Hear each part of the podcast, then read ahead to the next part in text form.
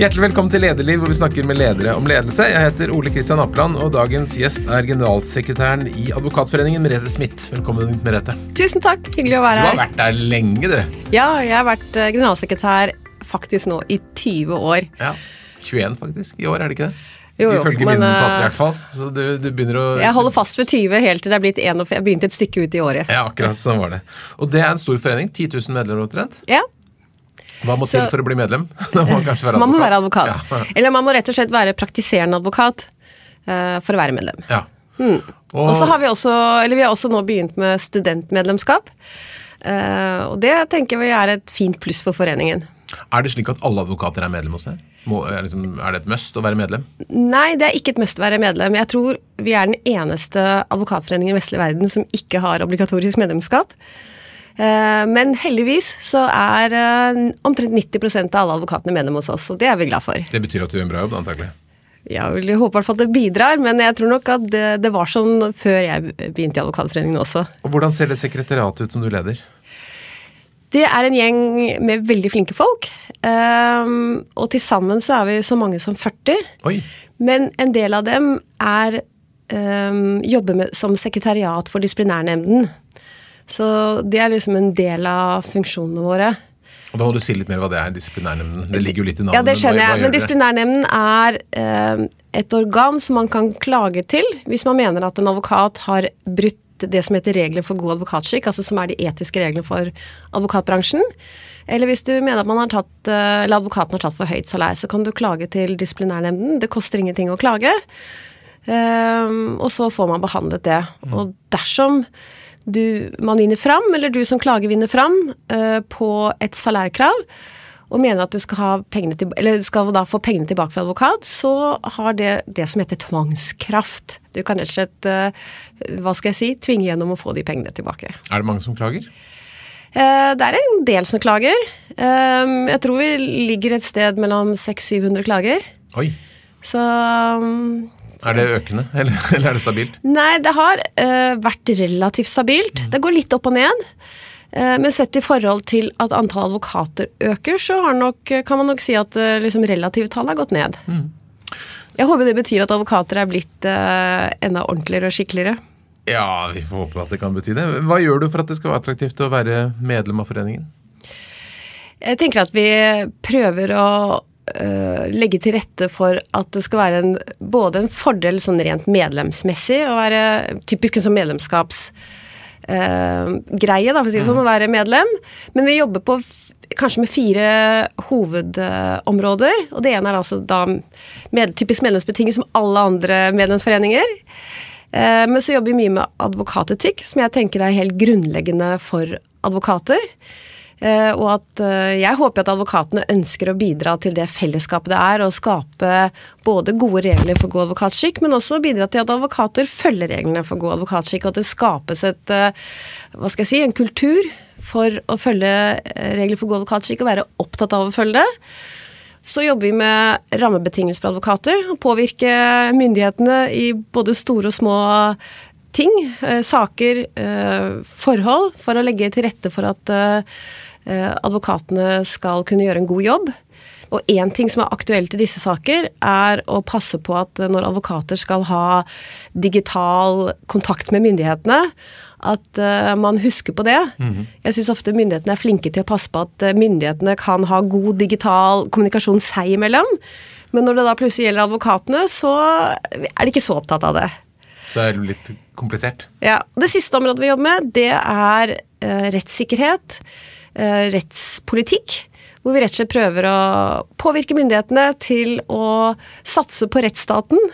eh, og satse på at vi har et godt eh, domstolvesen, eh, eh, gode rettsregler også for de svakeste i samfunnet. Og det er typisk da eh, altså områder som advokatene gjennom sitt daglige arbeide oppdager at oi, her er det noen regler som ikke funker, eller her er det noen som kommer skikkelig dårlig ut av systemet vårt. Så tar vi det inn i Advokatforeningen og, og prøver å påvirke politikere, og myndigheter på ulike måter til å endre regelverket. Og så er du bransjens ansikt utad, på en måte også, for nå har det vært litt kritikk mot eh, grådighetskultur i advokatbransjen. Da må du ut og forsvare. Ja, Eh, det er eh, en av de tingene som, som jeg også må gjøre. Jeg tenker at altså det Det er jo noen ganger litt krevende. Eh, og når saker sånn som det har vært i det siste blitt fremstilt om advokater som koster mye penger, så er jo ikke det noen ønskesituasjon. Um, men samtidig så er det noe med å forklare hvorfor det er store forskjeller i advokatbransjen. Jeg tenker uh, Det man leser om både når det gjelder inntekter og timepriser i avisene, det er stort sett for næringslivet, altså priser for høyt spesialiserte advokater som næringslivet betaler for de aller vanskeligste sakene sine. Mm. Men hvis du som privatperson skal gå til advokat, så betaler du selvfølgelig en helt annen pris. Ja, og det gir seg også for advokater som tjener noe helt annet. Ja. men, men, advokatene hevder seg godt på inntektstoppen, så det er åpenbart det kan være veldig lukrativt å være advokat hvis man er god. Ja, det, ja. Det, altså forretningsadvokater eh, de tjener mye penger. Mm. Det er det ikke noe tvil om. Nei, Det er tydelig bevisst. Men um, har, dette, har de, denne jobben forandret seg mye de 20 årene du har hatt den? Um, altså Kjerneområdene er vel de samme, men jeg håper jo at Advokatforeningen er blitt uh, mer profesjonalisert uh, i de årene jeg har jobbet der, og at vi også uh, rekker over flere oppgaver. så jeg føler i hvert fall at det er et, et, helt annet sted å jobbe enn det var da jeg begynte. Mm. Du, du, du, har jo da, du skal forholde disse 40 ansatte, og så du, skal du sikkert snakke litt med medlemmene, så har du myndigheter og media og andre ting. Hvordan, hvordan fordeler tiden din seg cirka? Det tror jeg ikke jeg kan svare på, men den er i hvert fall veldig variert. Og jeg tenker at en av de eh, viktigste oppgavene som generalsekretær i Advokatforeningen er nettopp å få det med tillitsvalgte og ansatte til å spille sammen og trekke i samme retning. Mm. Um, fordi at vi har faktisk uh, over 500 tillitsvalgte. Uh, noen sitter i styrer i det som heter kretsen, altså rundt omkring i landet. Og så har vi oppdelt i utvalg som er etter ulike fagområder. Og så har vi også etter ulike sånn, interesser, sånn som menneskerettigheter, eller noen som jobber i noe som heter isolasjonsgruppa, som ser på spørsmål om for mye isolasjon for innsatte i fengsler. Eh, og det er jo veldig variert gruppe, og det er noe med å hele tiden eh, være opptatt av det som er felles for alle advokater. Prøve at vi skal være én stemme utad. Um, og også at uh, de ansatte på en måte skal legge til rette for at de tillitsvalgte kan bidra med det de er aller flinkest til. Jeg tenker Det er en av de viktigste oppgavene jeg har. Mm. Og selvfølgelig også representere advokatbransjen utad overfor myndigheter og overfor ja, ulike samarbeidspartnere. Men så har du også 10 000 advokater som er veldig forskjellige, da, helt fra disse superkule ja. forretningsadvokatene til noe helt annet. Er det vanskelig å måtte være alles leder i like stor grad? Um, altså, jeg, jeg, det er så vanskelig å si i hvilken grad jeg lykkes med det, men jeg prøver i hvert fall å være det. Jeg tenker at jeg er opptatt av å, å snakke med alle typer advokater. Mm. Og reise rundt i landet og treffe advokater i hele landet. Og høre hva de er opptatt av, og hva de tenker at eh, Advokatforeningen skal bidra med. Um, så det, det syns jeg er en viktig del av jobben min. Mm. Og så skal man også huske på at noe av det vi driver med, handler jo om å eh, bistå advokater som trenger hjelp på en eller annen måte. Eh, det vi leser om i avisen, er ofte advokatene Um, på sitt aller beste, ikke sant, uh, som uh, står på for sine klienter. Men uh, erfaringen har lært meg at gjennom et langt advokatliv så kan det plutselig komme en periode hvor ting er vanskelig Eh, og hvor man trenger bistand. Mm. Og det skal vi også gjøre fra Advokatforeningens side. Så liksom det å um, ta vare på hele advokatlivet, både når du kommer inn som ung, uh, som advokatformektig, legge til rette for at uh, du kan få en fin tid som advokatformektig og lære de tingene du skal for å de, gjøre de riktige tingene i advokatyrket, og så gjennom advokatyrket både når det går godt, og når det ikke går så godt. Uh, og så eventuelt uh, og Helt til du er ferdig, uh, ferdig, som advokat Eller det høres feil ut. Helt til du avslutter det, ditt arbeid som advokat. Ja, ja. Hva tenker du er det viktigste for deg? Hvordan vil du være som, som generalsekretær? Det, hvordan vil du at du skal oppleves av medlemmene og de ansatte? Ja, jeg tenker at skal oppleve, Som medlem så ønsker jeg å bli opplevd som at jeg er interessert i virksomheten deres og uh, opptatt av å legge til rette for at vi blir en best mulig forening for dem. Og stå på mm. for, de, for, deres interesser, i stort og smått. Um, når det gjelder ansatte, så tenker jeg at jeg er jo opptatt av at Advokatforeningen skal være et bra sted å jobbe for flinke folk. Uh, og jeg syns at vi har utrolig mye uh, flotte ansatte. Og jeg er veldig glad for å se at, uh, i hvert fall på meg så virker det som at Advokatforeningen er blitt et attraktivt sted å jobbe for jurister. Mm. Um, og ikke noe gleder meg mer enn det. Men så har vi også må selvfølgelig legge til en masse andre som, med andre yrker og andre kompetanser enn jurister også. Det er viktig for foreningen. Samtidig så må det være perfekt å være hvis du er interessert i juss, for du kommer veldig i kontakt med veldig mye store deler av miljøet. Ja, ikke sant. Jeg tenker Det er et bra sted å begynne som fersk jurist. og eh, Du lærer litt generelt om advokatbransjen, og så mm. får du mange gode kontakter. og Vi ser jo det at mange av våre unge jurister de forsvinner ut som advokatformektiger. Men du er jo nærmest jeg håper å si, født til å være jurist. Du er, altså, begge dine foreldre var professorer i juss? Så det var, løpet var lagt fra tidlig alder, eller?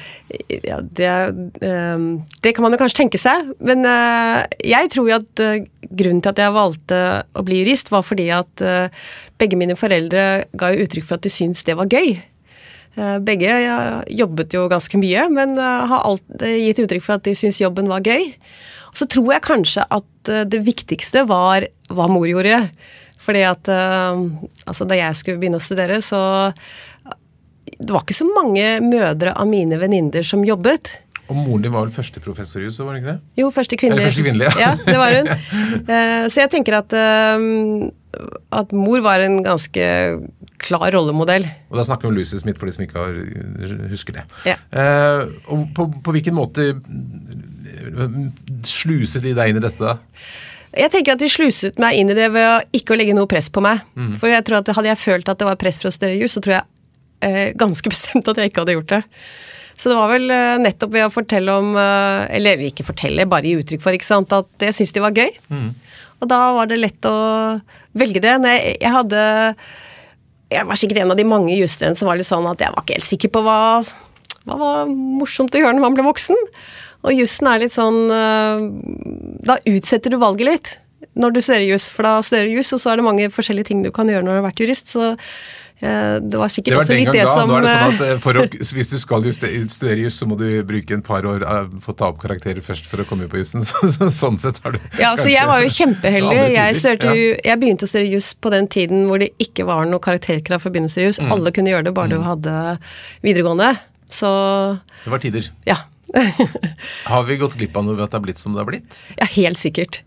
Um, men jeg syns at det er et altså, vanskelig å si hva er best, fordi at um, altså, Dagens jusstudenter imponerer meg noe helt utrolig. De er jo så flinke. Um, og de har jo noen CV-er som bare er helt rå. Uh, men samtidig så tror jeg jo at uh, Eller vi vet jo ganske mye om at det er mange late bloomers. Mm. Uh, og kanskje særlig gutta, at de bruker litt tid på å på en måte finne ut av hva de vil. og at det er mange Eh, mange av mine kolleger, eller mine samtidige, som ikke utmerket seg på videregående, men som har, blitt, som har gjort en flott karriere enten som advokat eller som jurist på annen måte. Mm. Men du, har en sånn, du, du startet rett i advokatkontor i Ykborgrein, og så har du vært dommerfullmektig og byråsjef i Justisdepartementet og lagdommer også i foreningen. Så du har ganske sånn fin løype hvor du har fått, fått med deg litt av hvert. Hvor, hvor har du kost deg mest? altså, Det er jo Advokatforeningen jeg har kost meg aller mest. Ja, jeg mener, jeg, jeg syns jeg har vært kjempeheldig som Det var jo helt tilfeldig at jeg begynte i Advokatforeningen, så jeg tenker at jeg har hatt flaks. Og liksom At noen hjalp meg å finne drømmejobben min. Ja, Så det var ikke målet hele veien at du skulle dit? Nei, Overhodet ikke. Det var virkelig eh, helt tilfeldig. Det var eh, eh, Det var en jeg kjente som visste at jeg eh, var litt på jakt etter kanskje å skifte beite. Mm som eh, kontaktet det byrået som hadde advokatforening, eller finne, som hadde advokatforeningen eh, Eller skulle finne generalsekretær for Advokatforeningen. Mm. Og så ringte de meg og spurte om jeg ville søke. Og jeg tenkte først at jeg trodde at det var en jobb for gamle menn. Eh, men så snakket de litt med meg, så tenkte jeg ja, hvorfor ikke søke det? Og så, ja, og så har jeg vært der i 20 år. Fantastisk. Men uh, Men jeg må jo si at jeg ja. syns jo de Altså, jeg likte jo de andre jobbene også kjempegodt. Og um, jeg vil også kanskje hva skal jeg si, slå et slag for å være byråkrat. Ja. Jeg, hadde ti, jeg var ti år i Justisdepartementet og syns jeg lærte masse av å jobbe i Justisdepartementet. Um, Hva gjorde du der? Jeg gjorde forskjellige ting. Jeg var både i um, domstolavdelingen, som det het da, som nå siden er blitt Domstoladministrasjonen oppe i Trondheim. Så var jeg i sivilavdelingen, og så var jeg også i polaravdelingen. Aha. Så jeg jobber med, først og fremst med Svalbard, men også Arktis og Antarktis. Um, og jeg tenker det å, å, lære seg å bli en god byråkrat med de som handler om og god saksbehandling, sette seg grundig inn i sakene, jobbe opp mot politisk ledelse, at det er spennende. Jeg likte det veldig godt. Mm. Og syns jeg lærte masse. Det var mange flinke folk der. Hvilken av jobbene dine har i størst grad formet ditt syn på god ledelse? Um, det har jeg ikke tenkt på før. Men altså uh, Jeg begynte jo som leder i Justisdepartementet. Mm. Uh, og da gikk vi på lederkurs, som i seg var veldig nyttig. Justisdepartementet satset veldig på å gi oss, uh, de som var ferske ledere i departementet da, en god lederutdanning. Um, så jeg tenker at det var viktig. Mm. Og så er det noe med å, å lære mens man uh, gjør det. Hva husker du særlig fra lederutdanningen? Um, jeg tenker det var mye om uh, at du er viktig Um, som leder så er det viktig ikke bare det faglige, som kanskje jeg var mest opptatt av først. ikke sant, At du skal være faglig flink og mm. lykkes faglig, men det er ikke sant, relasjonen til de ansatte. At du skal legge til rette for å Eller du skal være ålreit og legge til rette for at de har det hyggelig. ikke sant, Satsingen på de ansatte som personer tror jeg egentlig jeg lærte veldig mye om på det kurset, som jeg syns var veldig ålreit. Mm. Den der løypa fra byråkrati og altså, med forskjellig både privat og offentlig, er sikkert veldig verdifull. Noe som sikkert mange kunne ha mer glede av. Men er det vanlig blant advokater å være innom byråkratiet? Ja, det er ganske mange som er det. Og jeg tror det er stadig større forståelse for at det er viktig.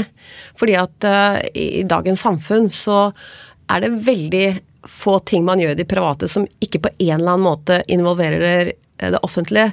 Enten det er tillatelse eller konsesjon, eller det er noe regelverk du skal finne sant, nøyere ut av. Så det å skjønne hvordan uh, departementene fungerer, eller tilsynene, hvis du har mer kontakt med tilsynet, det tror jeg er en god idé. Mm.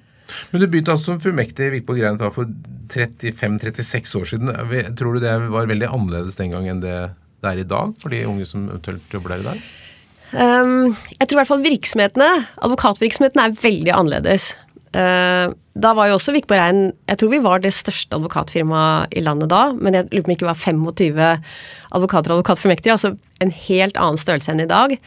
Og mye mer eh, jeg håper å si, et fellesskap av ulike advokater med noe sånne felles funksjoner. Mens i dag er det jo Eh, de største advokatfirmaene er jo store virksomheter som med over en milliard i inntekt med proffe eh, fellesfunksjoner. Ja, for å si, De vil sikkert ikke like at jeg sa det på den måten, men, ikke sant? men, men de er på en måte profesjonaliserte virksomheter på en helt, helt annen mm. måte enn de var eh, da. Det som jeg tror er likt, er på en måte at du blir, altså du blir kastet inn i eh, det å måtte lære deg å forholde, forholde til klienter, lære klienthåndtering. Altså det er masse ting du må lære som advokat som du ikke har noe om på studiet. Og det jeg tror for alle fall som er ferske advokatformektige fra studiet, sånn som jeg var, det er en litt sånn sjokkartet opplevelse, men også veldig spennende.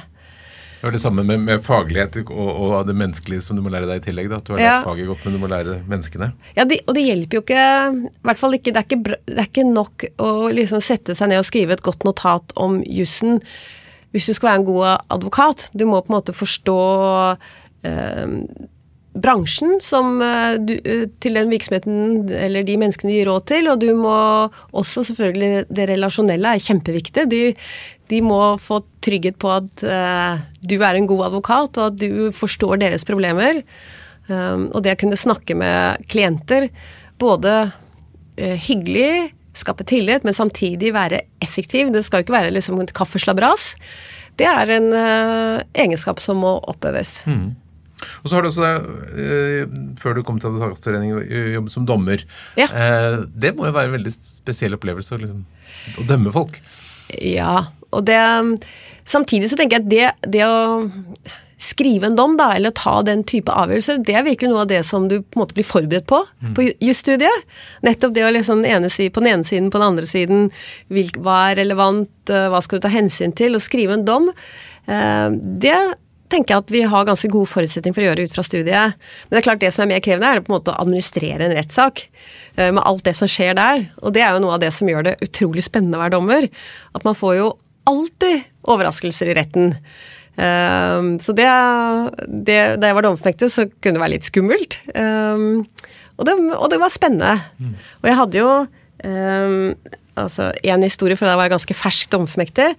Uh, for det som dommerfullmektene ofte gjør, er jo å ta fengslingene. I hvert fall så var det sånn i domstolen der hvor jeg jobbet. Så, og da er liksom sant, Man skal jo alltid fremstilles for en dommer når man, man har blitt øh, pågrepet av politiet et, innen en viss tid. Øh, helst 48 timer, er det vel. Og så, før det da blir varetektsfengslet eventuelt, og ta stilling til spørsmål om varetektsfengsling. Um, og da er, møter det en fra politiet, og så møter selvfølgelig siktede, og med sin forsvarer. Og da hadde jeg en gang en som var, eh, skulle uttransporteres av landet. Um, og så hadde han på, I den uttransporten så hadde han skadet en av politimennene.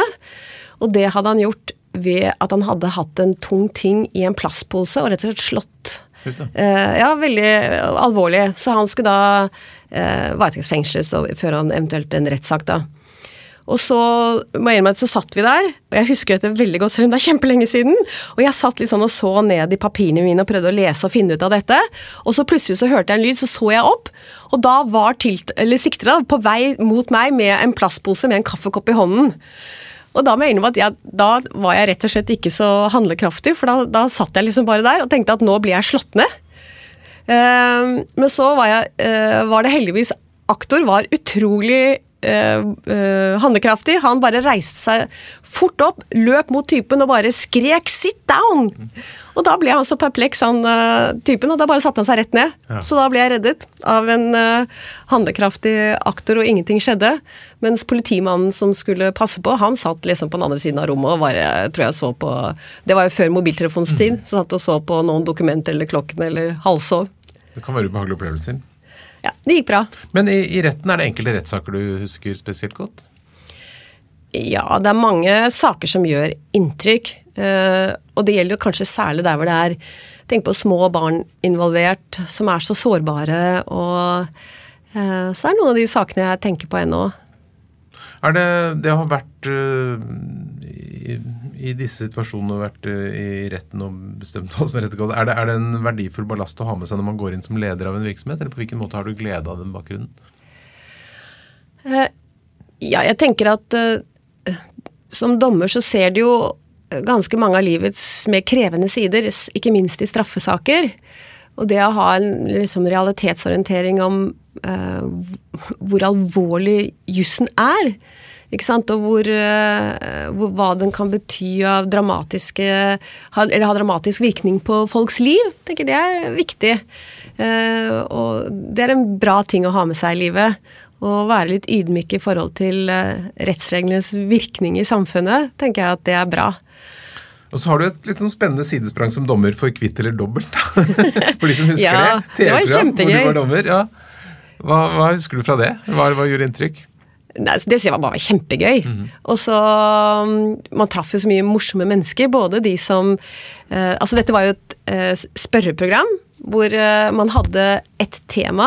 Og det var veldig mange forskjellige temaer. Det kunne være Liverpool fotballklubb eller et eller annet historisk tema. eller altså Masse forskjellige. Så det var veldig flinke folk. Noen som kan veldig veldig mye om et lite snevert felt, i hvert fall. Ja, ja og så hadde vi jo fagdommere med. Jeg var liksom eh, hoveddommer, som det het. Og så hadde vi med fagdommer på hvert tema som, kunne, som hadde laget spørsmålene, og som kunne temaene veldig godt.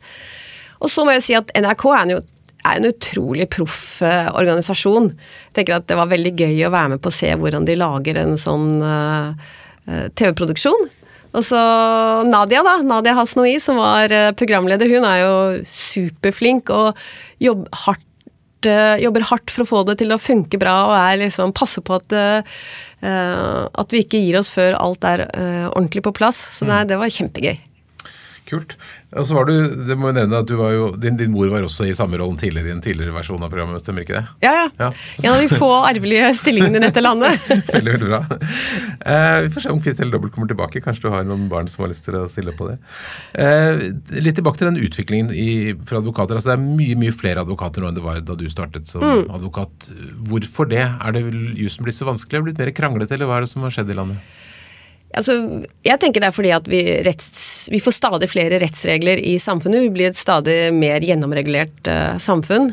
Uh, og det krever uh, juridisk bistand. Og så tror jeg også at velstanden har betydd noe. I gamle dager så tror jeg ikke privatpersoner tredde, trengte så mye juridisk bistand, men i dag så er det jo både mine og dine barn. og folk har flere eiendommer enn før. Det, det krever også juridisk bistand. Eh, Så jeg tenker at eh, ja, både Og vi blir flere mennesker. Så utviklingen av samfunnet er mer komplisert, mer velstand blant nordmenn, eh, og flere mennesker gjør at vi trenger mer juridisk rådgivning underveis. Men er vi, er vi også mer konflikt si glad i konflikter enn før? Eh, nei, det tror jeg ikke. Jeg tror faktisk at eh, Norge har vært eh, ganske flinke til å krangle Eller nordmenn har vært ganske flinke til å krangle bestandig. det gå- det fins jo masse historier om eh, hvordan uh, bønder kranglet uh, om hver eneste liksom eh, eh, si strek rundt eiendommen sin. Ja, ja. Grensesteiner og marsteiner. Ja, og det går jo historier om, eh, om eh, bønder som liksom har fortalt at ja, nei, hver eneste av min grense har vært oppe i Høyesterett. Så jeg tror at, eh, at jeg, jeg tror nordmenn er ganske opptatt av å ivareta sine rettigheter, og det har vi alltid vært. Vi har ikke vært noe underdaner i folkeverd før, og vi er det ikke nå. Og det er kanskje det en av grunnene til at vi ikke er medlem av EU, hva vet jeg. Men eh, nå har jeg da eh, antall advokater økt voldsomt, og så er det jo skjedd noe nytt med dette med kunstig intelligens som kommer inn, så kanskje datamaskiner nå kan erstatte flesteparten av advokatene, eller hva tror du? Eh, Jeg tror i hvert fall at datamaskiner kan komme inn og gi eh, en del juridisk bistand eh, for sånn typiske eh, områder hvor man trenger hjelp. ikke sant? Skrive testament, lage en ektepakt, eh, en avtale mellom utleier og leietaker. Altså den type standard eh, juridisk problemstilling, tror jeg i hvert fall at det kommer til å bli, uh, bli overtatt av uh, kunstig intelligens i stor grad. Og det, det tror jeg bare er bra. Men også i de store advokatselskapene så kan vel, eller firmaene så kan vel også en god KI-løsning gjennomgå enormt mye dommer og dokumenter sånn veldig veldig fort? Absolutt. Og, jeg tror mye, mye sånn Eller jeg tror ikke at mye kjedelig arbeid vil forsvinne og bli digitalisert. Og egentlig så vil jeg jo si at det har skjedd også. Altså mye arbeid som jeg gjorde som advokatfullmektig, fersk advokatfullmektig, er for lengst digitalisert. Altså for eksempel, eh, før nyttår så var det jo veldig mange som skulle inngå eh, nye, eller lage nye selskaper av, i ulike former, så det var alltid et rush mot nyttår for å få på plass en eh, masse nye selskaper.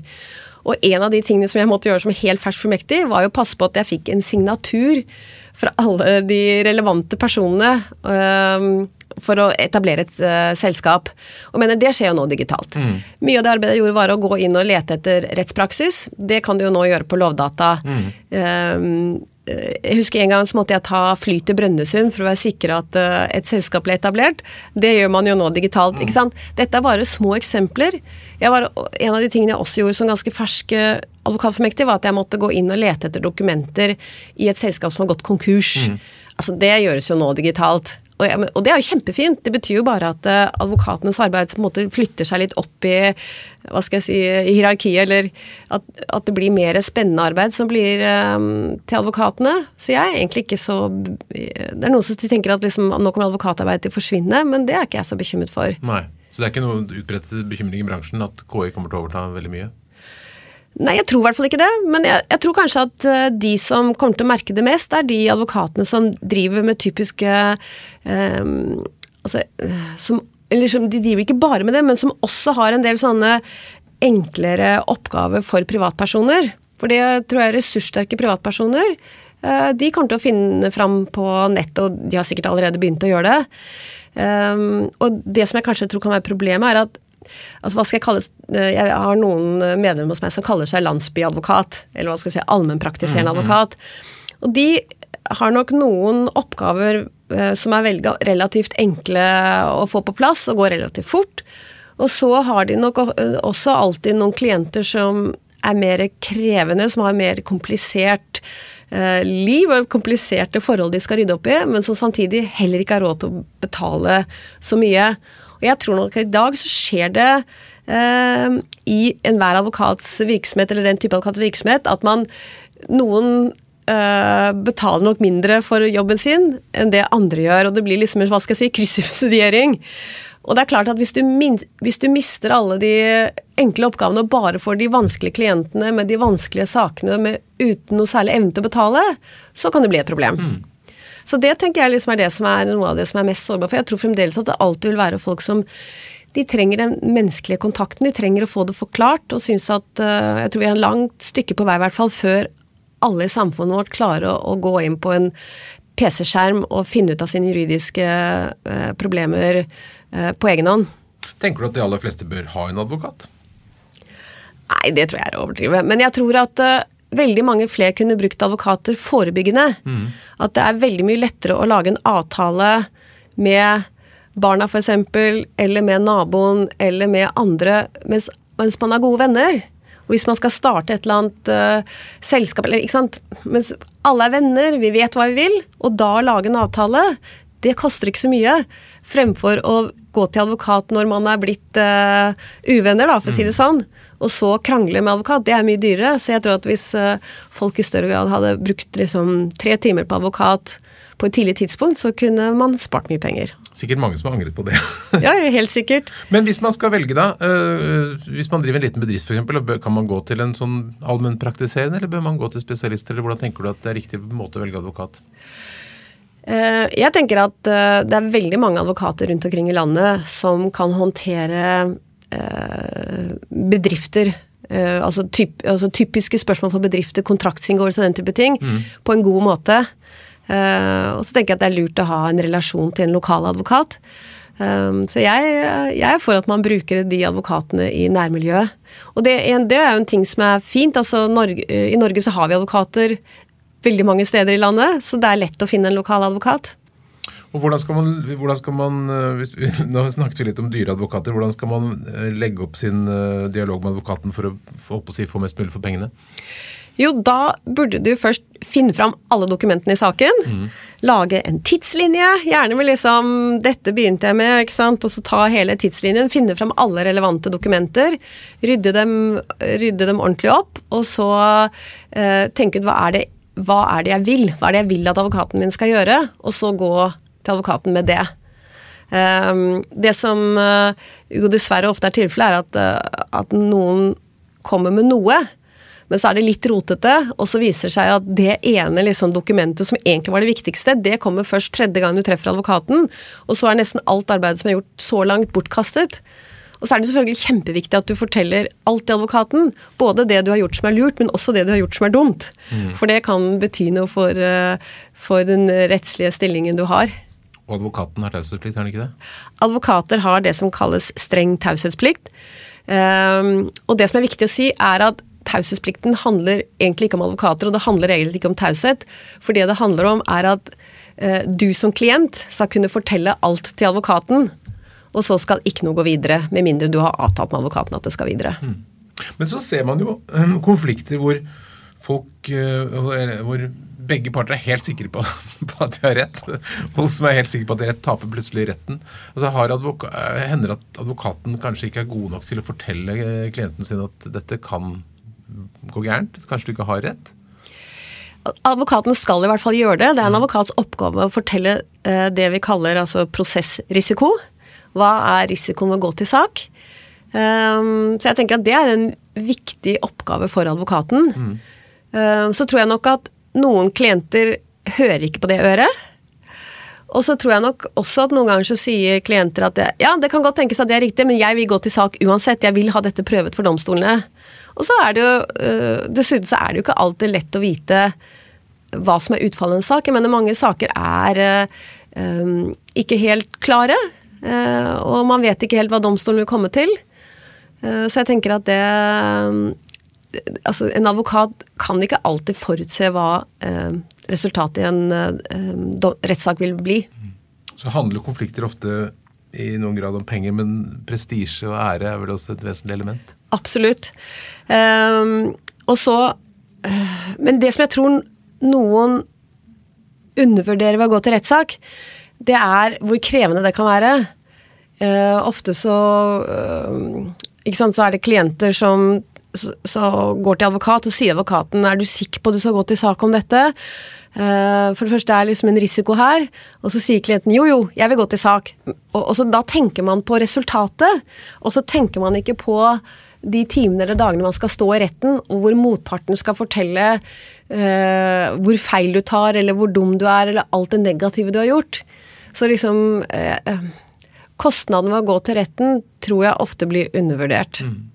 Tror du mange altså, får sånn psykisk nedtur etter en, etter en rettssak? Ja, det tror jeg. Jeg tror mange syns det er tøffere å stå i retten enn man hadde tenkt seg at det skulle være. Mm.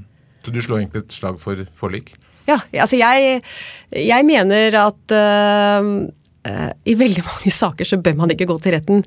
Man bør heller uh, svelge det sure eplet og ta et forlik. Men det er klart, noen ganger så er, er domstolen det rette stedet og den eneste utveien. Mm. Um, og det kan typisk være i, i en sak hvor du f.eks. ikke får den tillatelse du mener burde få hos myndighetene, eller ikke du får det vedtaket du vil ha hos myndighetene, hvor du mener at altså etter en nøktern vurdering, så har forvaltningen truffet et feil vedtak. Uh, tenk, det tenker jeg er typisk en uh, sak man bør ta til domstolen. Og så tror jeg også ofte um, altså svake grupper i samfunnet som kanskje ikke får eh, når helt fram overfor myndighetene. Mm. Og da kan nettopp det å ta en sak til retten kan være det riktige å gjøre. Um, så, og også andre typer saker hvor det på en måte har låst seg helt, og hvis du har liksom to, to virksomheter så, som trenger å få en avklaring på hva er egentlig riktige forhold, så kan det også være en uh, idé å gå til retten. Mm. Så jeg, så jeg, vil ikke avvise det i alle typer saker, men jeg, jeg, tenker kanskje særlig der hvor det er liksom veldig personlige forhold.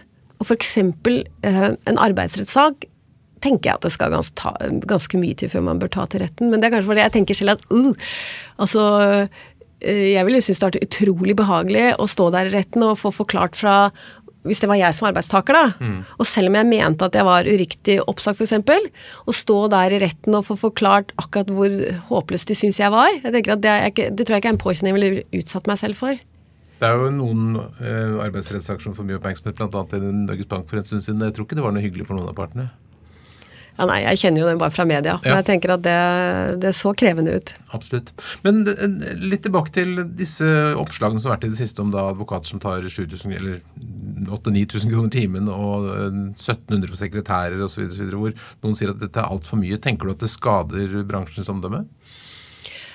Så jeg tenker at eh, det er høye summer, og, eh, og jeg kunne jo ønske at, eh, at, vi ikke hadde den type oppslag. Men Og det som er negativt ved det, er at jeg tror det skaper et inntrykk av at sånn, sånn er det liksom i hele bransjen. At det er så dyrt å gå til advokat uansett i hvilken sammenheng det er. Eh, og Vi er jo opptatt av å få fram at advokater som eh, jobber med helt andre typer saker, enten det er som forsvarer, som bistandsadvokat, eh, i fri rettshjelpssaker, så er det på en måte det er, det er, helt andre priser vi snakker om, og også helt andre inntekter for advokatene. Men det er klart at med denne type oppslag så blir det vanskeligere å nå fram med. Mm.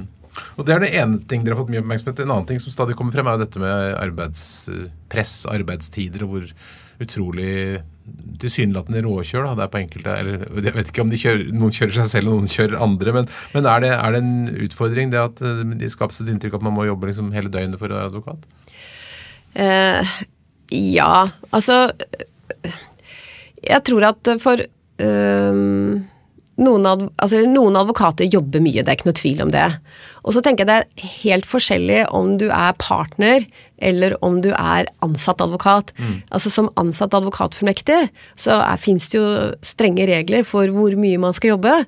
Eh, og jeg er selvfølgelig utrolig opptatt av at de reglene skal etterleves. Um, og jeg tenker at det er helt forskjellig om en advokat driver, som er partner, da, uh, driver rovdrift på seg selv eller driver rovdrift på de ansatte. Um, så jeg tenker at uh, i den grad uh, advokatbransjen ikke etterlever reglene for ansatte advokater eller andre ansatte, så tenker jeg at det er, det er i tilfelle et problem. Mm. Men der tror jeg faktisk det har skjedd en forbedring de siste årene. Um, da jeg begynte som advokatformektig, så, så, tror jeg liksom at vi tenkte at arbeidsmiljøloven ikke gjaldt for oss. Men, uh, men, nå eh, er det i hvert fall mitt inntrykk av at der har advokatbransjen forbedret seg skikkelig. Men at uh, for partnere at det er et press på å jobbe mye, det tror jeg nok at man må ta inn over seg. Men også der er det forskjell på ulike typer advokatvirksomhet. Er dette et tema for foreningen? Er det noe, noe du engasjerer deg i? Absolutt. Og jeg tenker at, at det er viktig at advokatbransjen skal være et godt sted å jobbe eh, hele livet. Eh, og, så vi er opptatt av dette og jobber mye med det, mm. og prøver også å ha ulike typer kurs og debattkvelder og den type ting for å legge til rette for at eh, advokatbransjen skal være et bra sted å jobbe. Mm. Hvordan, men, men, jeg tenker på at ja. eh, um, men det som jeg tror vi aldri kommer helt unna, det er at å være advokat kan ikke være en ni til fire-jobb alltid. F.eks. hvis du er forsvarer, så hender det at politiet ringer deg opp og sier ikke sant, en kveld mm. du, nå har vi arrestert en ung gutt, og han trenger en forsvarer, kan du stille opp for det? Uh, og det sier du som regel ja til, tror jeg, mm. som en forsvarer. Og også, ikke sant, hvis du jobber for uh, næringslivet, hvis det plutselig er et eller annet som, som eksploderer, da, eller som, hvor de virkelig trenger din hjelp nå, så må du på en måte stille opp. Uh, og det er jo også det som, noe av det som er gøy ved å være advokat, at du er der hvor det skjer. Um, så liksom det å tro at man alltid vil ha en 9-4-jobb, det tror jeg ikke er mulig å få til. Men jeg tenker at det som er veldig viktig for advokatfirmaene, er å passe på at det ikke alltid er sånn. At hvis du har jobbet hardt en periode, så må du også få en periode hvor det er, eh, hvor det er roligere. Mm. Typisk, ikke sant, Du vet at hvis du skal stå tre uker i retten, så er, jo, så er du liksom ni til tre eller ni til fire eller hva det er, hvor du står i retten, men du må jo forberede deg til neste dag. Og det skjer jo om ettermiddagen og kvelden.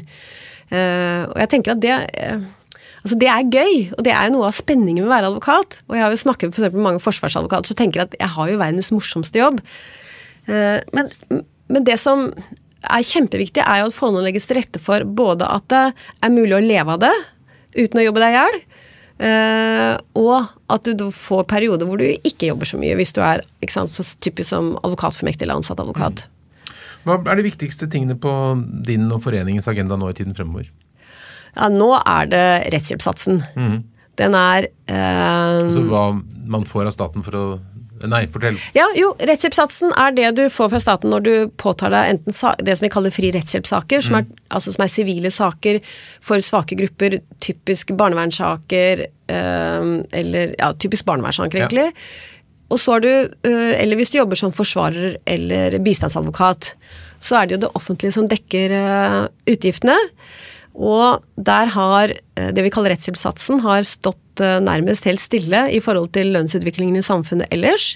1200 og et eller annet kroner, var det det? Ja, og det man skal huske, men samtidig må man huske på at det, som, det er en kombinasjon av at eh, noe som heter stykkprisen. Mm -hmm. Så eh, for veldig mange, mye av det advokatene gjør, så får du en, et fast antall timer uansett hvor mye du jobber.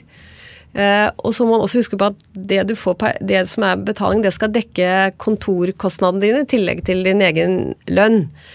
Og, øh, og for eksempel, altså de verste tilfellene er du kan ha øh, For noen typer saker så øh, For blir avhør av politiet. Mm. Det får du bare Det får du ikke i alle typer saker. Uh, og, og, som jeg sa i stad, politiet kan ringe deg opp, be mm. deg komme på uh, politistasjonen for å være med på et avhør, men så viser det seg at uh, han skal ikke siktes, eller hun skal ikke siktes, en person skal ikke siktes, og så slipper de løs uh, fra, fra politi, uh, politiet raskt. Mm. Og da har du faktisk ikke krav på noe betaling. Så da kan du tenke du en lørdag ettermiddag, så drar du opp på politistasjonen. Du er med på et avhør av den som er uh, tatt inn av politiet. Så får du null betalt. Dette høres ut som en sak til ellers så kan det være Jo, men jeg mener for å forklare, det er liksom for å forklare hvordan mm. den stykkprisen virker, for der er det ikke noen Det viser seg ettertid mm. at der er det ingen stykkpris i det hele tatt. Eller så kan det være at du har en rettssak, og da, du, da er betalingen avhengig av mange timer rettssaken varer. Og så er det berammet f.eks. To, to dager til den saken, en straffesak. Og klienten din sier vet du, du må snakke med den klient, nei, den, det vitnet og det vitnet, og jeg, jeg, gjorde ikke dette her, jeg er uskyldig, og du må lage et godt forsvar for meg. Og så jobber du kanskje 30 timer, da. Eller 20 timer eller noe sånt, og, for, og starter med den uh, og forbereder saken. Og så kommer du i retten, og så spør dommeren, skikkelig streng dommer sin, er du skyldig? Mm. Leser, man leser jo alltid opp tiltalen mm. først, og så spør om man erklærer seg skyldig eller ikke til tiltalen. Og så plutselig sier klienten din ja. Mm. Og så varer rettssaken i to timer, og så får du betalt i fem timer, men du har jobbet i 30. Mm. Um, ja, det er liksom å prøve å forklare hvorfor eh, livet som forsvarer er, er uforutsigbart i forhold til betalingen, og, er, og hvorfor vi er så opptatt av at den skal bli bedre. Samtidig er sikkert myndighetene livredde for at det skal bli sånn som man leser om, med enorme satser og kjempestore regninger. Så det er en balansegang her, da. Altså jeg, når det gjelder Forsvaret, så tror jeg ikke det er et problem. Altså er, jeg tror tvert imot at i Norge så har vi et system hvor vi har flinke advokater som ønsker å være forsvarere. Mm. Uh, og for å si det sånn, Jeg tror egentlig at det er ganske unikt i verdenssammenheng, bortsett selvfølgelig fra våre helt naboland. Uh, og jeg er veldig opptatt av at det skal vi bevare. Um, og jeg tenker noe av, det, noe av, det, som stadig overrasker meg, er liksom hvor vanskelig det er å få politikere til virkelig å ville satse mm. på uh, rettsstaten vår. Hvordan vil du løse det? Hva er planen?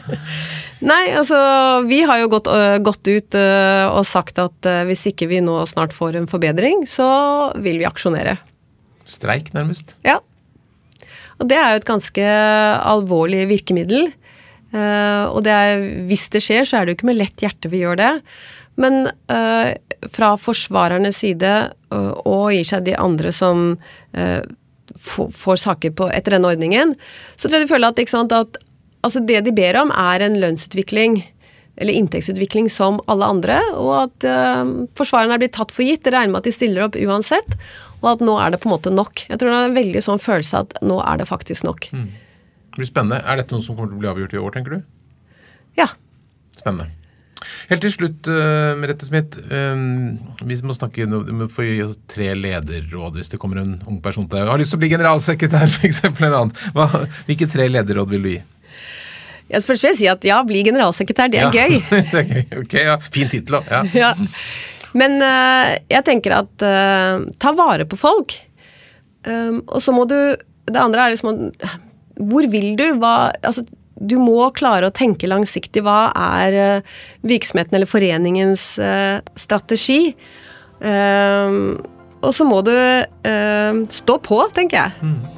Ta vare på folk, tenk langt og stå på. Gode råd. Hjertelig takk for at du kom til Lederliv. Tusen takk for at du kom. Med.